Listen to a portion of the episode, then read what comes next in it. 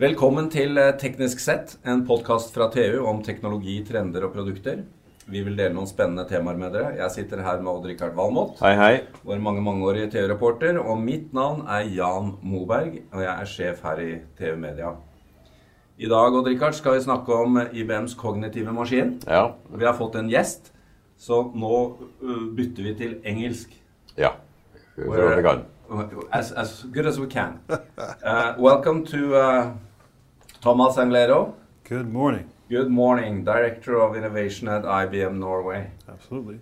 Um, welcome to us. Thank you very much. Thank you for having me. Thank you for inviting me. What is Watson? Watson is uh, well. Watson's not hype. Watson's uh, the end result of IBM for years. You know, IBM was on the supercomputer race, creating the world's fastest supercomputer. So, from a hardware point of view, we had the fastest machine in the world. And then on the software side, we have 14,000 PhDs writing algorithms all the time.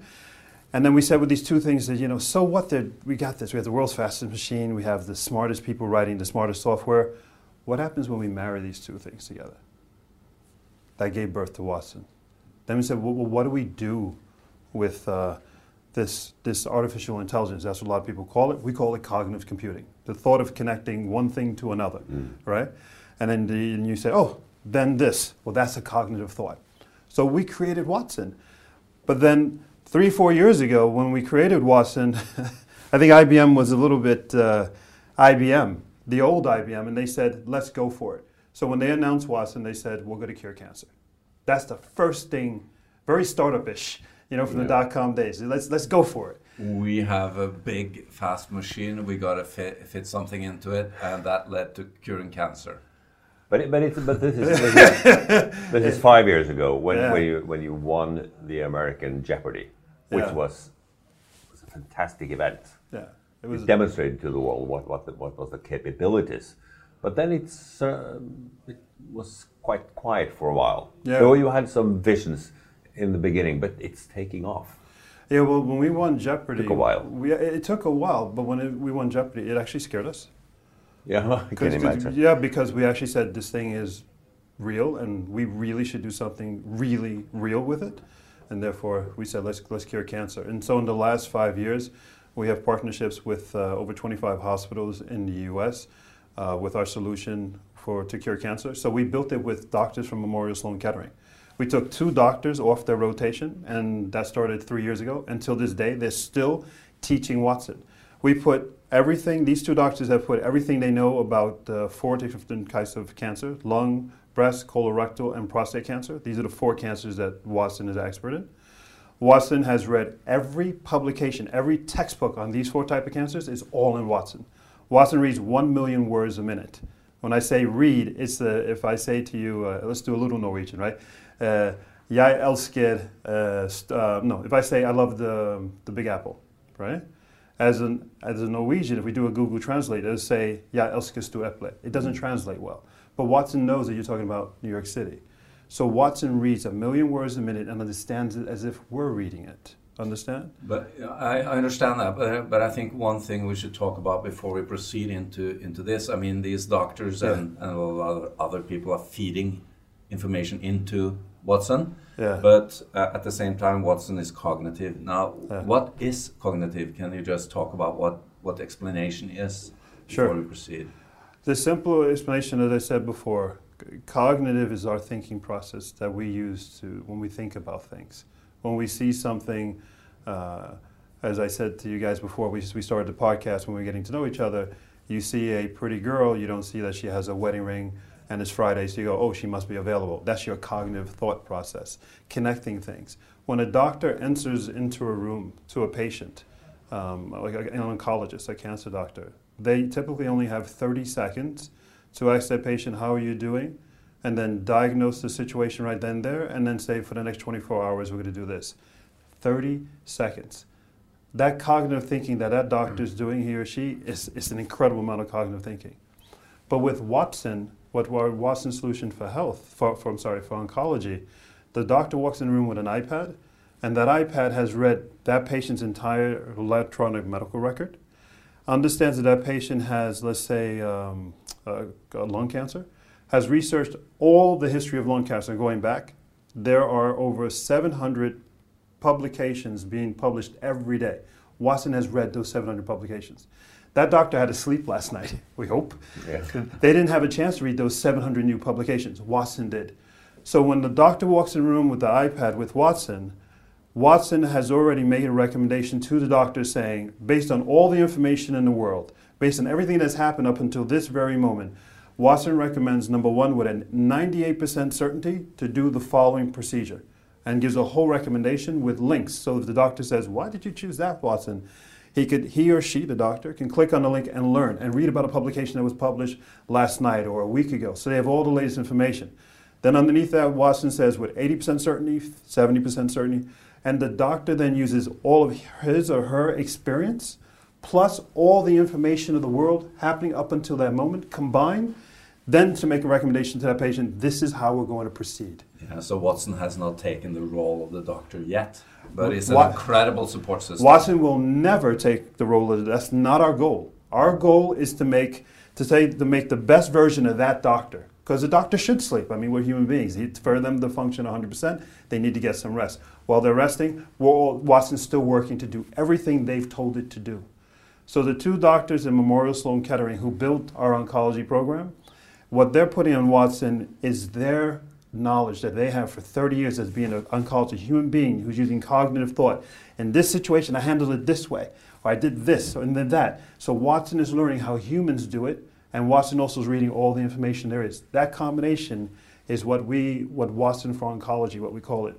And so when a doctor walks in the room, is walk, walking in with all the information that we have in the world and we've collected up until that very minute. Fantastic. But let's just talk about how A lot of questions. How now uh, this cancer initiative is is coming to Norway, and this is one of your big projects personally as well. Yeah. And and we we, we are impressed with with Norway being in front here worldwide with the use of Watson. Can you enlighten us a little bit of what's happening? Sure, I, I can enlighten you a little bit, but not too much, only because we have a, a, a big announcement coming out on June 14th, uh, 2016. Let's put a date on it if this podcast is heard later in the future. Three weeks away. Three weeks away. It's very exciting, and everything's ready. We're ready to go. So um, we have a big event uh, happening at the Oslo Cancer Cluster at Radium Hospitalet, in which we um, three weeks ago we announced uh, that uh, the Norwegian Research Council is funding a project that a Watson project with uh, the Innovation Center at Rikshospitalet, and that project is called Big Med. And Watson, IBM, we're there with Watson, and that's our first Watson Health project with cancer. And that project actually has a Watson genomics component. And what I mean by genomics is, if I could talk forever on this stuff, it's super exciting. Your genome, you, on a genetic level, you are, if not billions, you are trillions of individual proteins that are on top of your, your DNA nucle- nucleic um, chain. If one of those proteins has mutated, you may have a disease, or you may have knives coming out of your fingers and a six pack like uh, Brad Pitt or something. Just like us. Just like you two guys, exactly. Yeah. So, you know, mutations aren't always that bad. But um, with all the trillions of different proteins, all those different combinations, if you have a mutation on the tip of your nose and on the tip of your finger, what does that mean when you have that mutation? That this, the combinations are too much for the human brain. So we've taken all the knowledge we have in genetics and we put it into Watson. So again, so the doctor doesn't have to sit there and try to figure out what are the trillions of combinations. Watson have done that for them. So part, this knowledge is going into the Big Med project. It's going to help Norwegians to help diagnose again in the area of cancer. So it's, it's super exciting. And in the Oslo Cancer Cluster, we're going to make some big announcements. Um, and our focus in, in, is to make uh, Norway our Watson Health, the center of Watson Health for Europe. That's, that's our goal here. And Norway is the leading country when it comes to Watson and health. Right now, one of the leading countries in the world, little Norway. So I hate people say, oh, vi er liten Norge, blah, blah, blah. Nej, that's fine. It's completely wrong. Fantastic. Yeah. Yeah, and Big Med is, is uh, kind of a spearhead in the, in this whole uh, initiative. Yeah, Big Med is the spearhead, is the first one. Yeah. And the other health regions and other hospitals around Norway are all knocking on the door and we're talking to them. and they're all super excited. Odd Rikard, you've been following this, Yes. the cancer cluster and the technology in health for a long time. And even you must be impressed by I this. am, I am, I am uh, terribly impressed, and um, I think this is going to change medicine uh, at least as much as the traditional medicine that advances all the time as well. Yeah. It's, you know, just to put something, so this is different, Watson. Watson's not just for doctors. What we're doing is Watson's a technical platform, and we make uh, the cognitive knowledge, what Watson does, available to any startup, to any kid who wants to build and make the next great startup on top of Watson. You can do that. So make, I want to be very clear that all these amazing things we're doing with the hospitals and stuff like that, any kid, any startup, any company can use the same components and build it into their solution today and do it in the area of fish or oil and gas. Is Watson is not just about health. We're spending so much time talking about health. But the ability to make the best version of you, the expert that you are, and your vast knowledge, you can do that in whatever industry or whatever with Watson. And, and this is fantastic because you have launched apps that are available Yeah. uh, that you can, I mean, we can see what's trending on Watson. We can just go on the App Store and, and search for, for Watson. Uh, but uh, it is uh, mind boggling to some of us that knows IBM from previous days that you've ended up in this position. How, how, um, how are you using the more the uh, sort of the power of IBM to to succeed, and what disadvantages does that does that have? Wow, that's a loaded question that could get me fired for answering that so many different ways. No, but I mean, we, we all wonder. You know, it's it's an incredibly cool thing, and now you're putting Norway on the map for one of the one of Uh, the Norway's, leading questions of the world. Norway's been put on the map, period. It's not putting, it's been put on the map. But, but, but let's take a look into the crystal ball here, Sure, yeah. because Yeah. this is not the, the the medical area is not the end of the road here. No. Watson is, and the technology around cognitive computing is going to take, I would say, take over a lot of uh, stuff that requires people today. Is are we talking about the new spinning machine? Because Watson is going to to make uh, and cognitive computing is going to make a lot of work irrelevant because machines can do it so much better. We Okay. call it AI, robotics, Yeah. and all, all kinds of stuff today. So, let me- Twenty years from now, Yeah. where are we? Let me give you the facts of the, all the customer meetings that I'm having every day now, right? So right now in Norway, companies are coming to me about um, the, the uh, baby boom generation is beginning to retire, become pensionists, Yes. right? And the knowledge transfer. So many companies are so concerned about how do we transfer the knowledge of these people who've been working with us for 30 years and they'll be pensionists. We don't have any way of keeping it, right? So we're working with companies. What they realized, they didn't realize when they talked about Watson, is that you actually could do the knowledge transfer six months or a year before this person leaves. They transfer that knowledge into Watson. What that does is the young people, the trainees or the graduates that are coming into that company, mm-hmm. they will now to sit down with Watson and that person, and when that person leaves, the knowledge has going straight into a trainee. You're giving 20, 30 years of knowledge into a graduate who just graduated school, is about 25 years old, and they're starting with 20 years of knowledge for that company. Where's that company going to go? That's what that's the kind of conversations that I'm having now. And we start they start the conversation of, "Oh, I'm afraid we're going to lose jobs." No. You're creating a new possibilities. You're empowering, you're putting it like turbocharging this young mind for your company, new business models, new strategies, new revenues. That's what's happening. Not this whole thing of I'm going to lose my job to a computer. That's not what's happening in the real world in Norway. What's happening here, up in Trondheim, when I'm flying all over the place, those are the conversations. It's actually making the young people one of the most valuable people they are, and the old people don't feel like "Oh, I'm an old person, I'm leaving. No, I'm an old person and I live on. My knowledge is actually going to help. So we are enabling the companies and not ripping them off. No, yeah, yeah, ripping them off. What is it? I mean, with knowledge and spreading it to other to others. But there's one thing.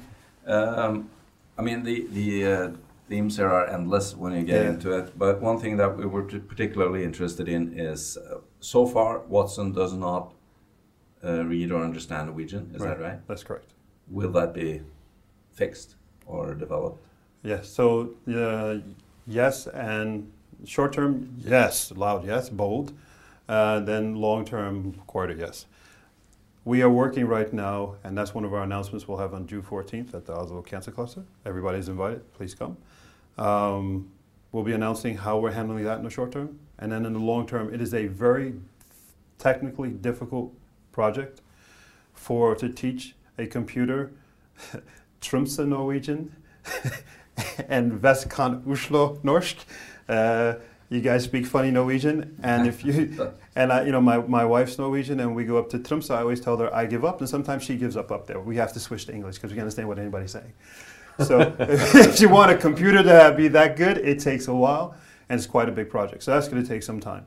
But in the short term, we do have technical ways of having Watson speak Norwegian, and we're going to be announcing how we're doing that on June 14th. So it's already begun, so that's really exciting. Fantastic. And I'm sure we'll be back with uh, Watson later. Definitely. It's been uh, definitely. fantastic having you here, Thomas. Thank you for inviting me. Appreciate it.